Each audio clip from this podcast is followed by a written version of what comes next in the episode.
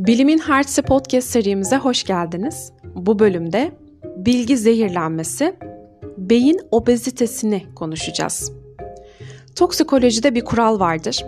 Her şeyin fazlası zarardır. Yani zehir ve ilacı birbirinden ayıran şey de dozudur zaten. Bağırsak neden ikinci beyindir deriz düşündünüz mü hiç? Tabii ki birçok biyolojik açıklaması var ama ben bugün size bir tanesini anlatacağım. Bir bakış açısını aktarmaya çalışacağım.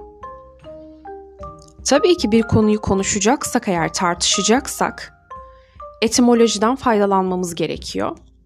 Yani köken bilimden faydalanmamız gerekiyor. Kelimelerin anlamını, kökenini bilmek bakış açımızı doğru yönlendirecek bir rehberdir. Çünkü tam olarak e, kelimeyle ne anlatılmak istenmiş, o kelimenin ortaya çıkışı, amacı, kökeni neydi? Bunu bilmek bakış açınızın daha doğru bir şekilde sizi yönlendirmesini sağlar. Obezite kelimesi Latince'de obedere kelimesinden geliyor aslında. Ve çok fazla, gereğinden fazla yemek yiyen insan anlamında. Yani aslında sağlığı bozacak derecede vücutta yağ birikmesidir. Şimdi bunu unutmayın. Çünkü şu an obezite dediğimde kilo almak, vücudu yağlanmış, hareket etmeyen, Vücuda gereğinden fazlasını almış bir insan profili geldi karşınıza. Doğru. Fakat bunun beyinle, nöronlarla bağlantısı ne? Buradaki benzetme ne olacak? Bunu aklınızda tutun. Birazdan bu ikisini bağlayacağız birbirine.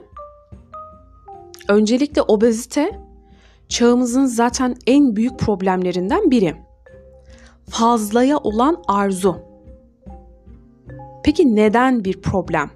Neden bir sağlık sorunu? Canlılık enerji dönüşümünü sağlayan bir mekanizmadır. Yani biz bir enerji dönüştürebildiğimiz sürece var oluyoruz. Bunu yapamazsak ölüyoruz. Başka bir boyutta enerji dönüşümüne başlıyoruz. Vücuda enerji dönüşümünü sağlayamayacağı besini alırsanız obez olursunuz. Enerjiyi para gibi düşünün evrenseldir.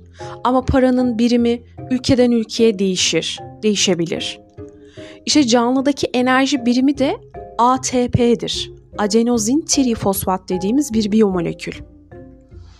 ATP besinden yani yediklerimizden üretilir hücrelerimizde. Ne diyoruz? Enerji vardan yok olmaz, yoktan var edilemez. Her zaman bir dönüşüm halindedir. Bu yüzden ATP enerjisi de aslında besinlerdeki kimyasal bağ enerjisinden elde edilir. Hücreler bunu yapar. Peki sorun ne? Sorun şu. Evrimsel süreçte atalarımız bizler gibi üçün beslenmiyordu. Av bulursa yiyor Eğer bulamazsa harekete geçiyordu. Bu nedenle evrimsel kodlarımız kötü günler için besin depolamayı öğrendi. Çünkü malum her gün av bulmak ya da doyabileceğin kadar kısmını bulmak mümkün değil. Bunda sorun yok. Çünkü atalarımız besine ulaşmak için efor harcıyordu. Yani hareket ediyordu. Ve bu depoyu da yakıyor harcıyor ve dönüştürüyordu. Ama günümüzde bu durum böyle değil. Peki obezite yalnızca bağırsak, mide ya da ideal kilo sorunu mu?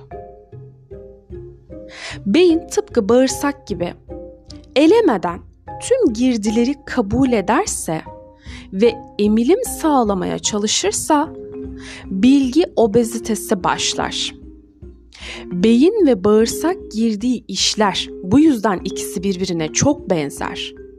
Bunlara girdi konusunda eğer bilinçli bir seçicilik uygulamazsak, fazlasını kaçarsak ya da aldığımızı eyleme, harekete dönüştürmezsek, yani bilgiyi işlemez, besini yakmazsak, obezite başlar. Hani demiştik ya vücutta yağ birikmesi diye.'' Beyindeki merkezi sinir sistemindeki nöronlar, ara nöronlar olarak adlandırıyoruz biz onları. Miyelin kılıf adını verdiğimiz bilgi iletimini hızlandırmak amacıyla bazı glia hücreleri tarafından sentezlenmiş bir kılıftır. Glia hücreleri ise nöronların annesidir diyebiliriz. Onları korur, destekler ve beslerler. çok fazla miktardadır. Ve bu miyelin kılıf yağ yapıdadır. Biz bir bilgiyi öğrendiğimizde aslında nöronlarımız arasında iletişim artırıyoruz. Evet bilgiyi öğrenmek budur. Yani bir şey düşünmek, bir karar vermek, bütün duyu organlarımızdan gelen uyarçıları işlemek budur. Nöronlar arası bağlantıyı artırmak. Ve bu noktada hızı sağlayan şey de bu yağ yapıdaki miyelin kılıftır. Fazlasıyla düşünmek, fazlasıyla bilgi almak aslında vücutta yağ biriktirmek gibi bir durum. Peki bilmek ve bilgelik arasındaki fark nedir? Her şeyi bilen mutlu mudur?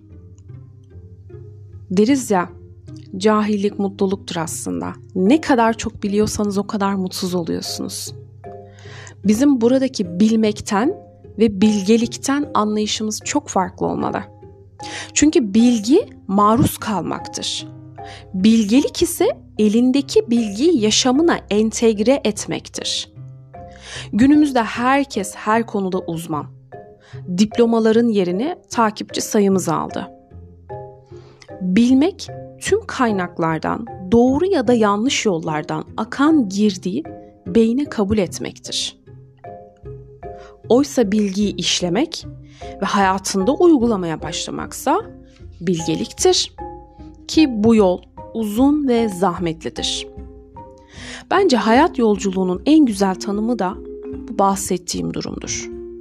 Öğrendiğini öğretmeye kendinden başlamalı insan. Bizler her öğrendiğimizi hemen başkalarına anlatmaya çalışıyoruz. Çünkü heyecanlıyız. Bildiğimiz şeyi başkaları da bilsin istiyoruz. Neyin bildiğimizin farkında olunsun istiyoruz. Fakat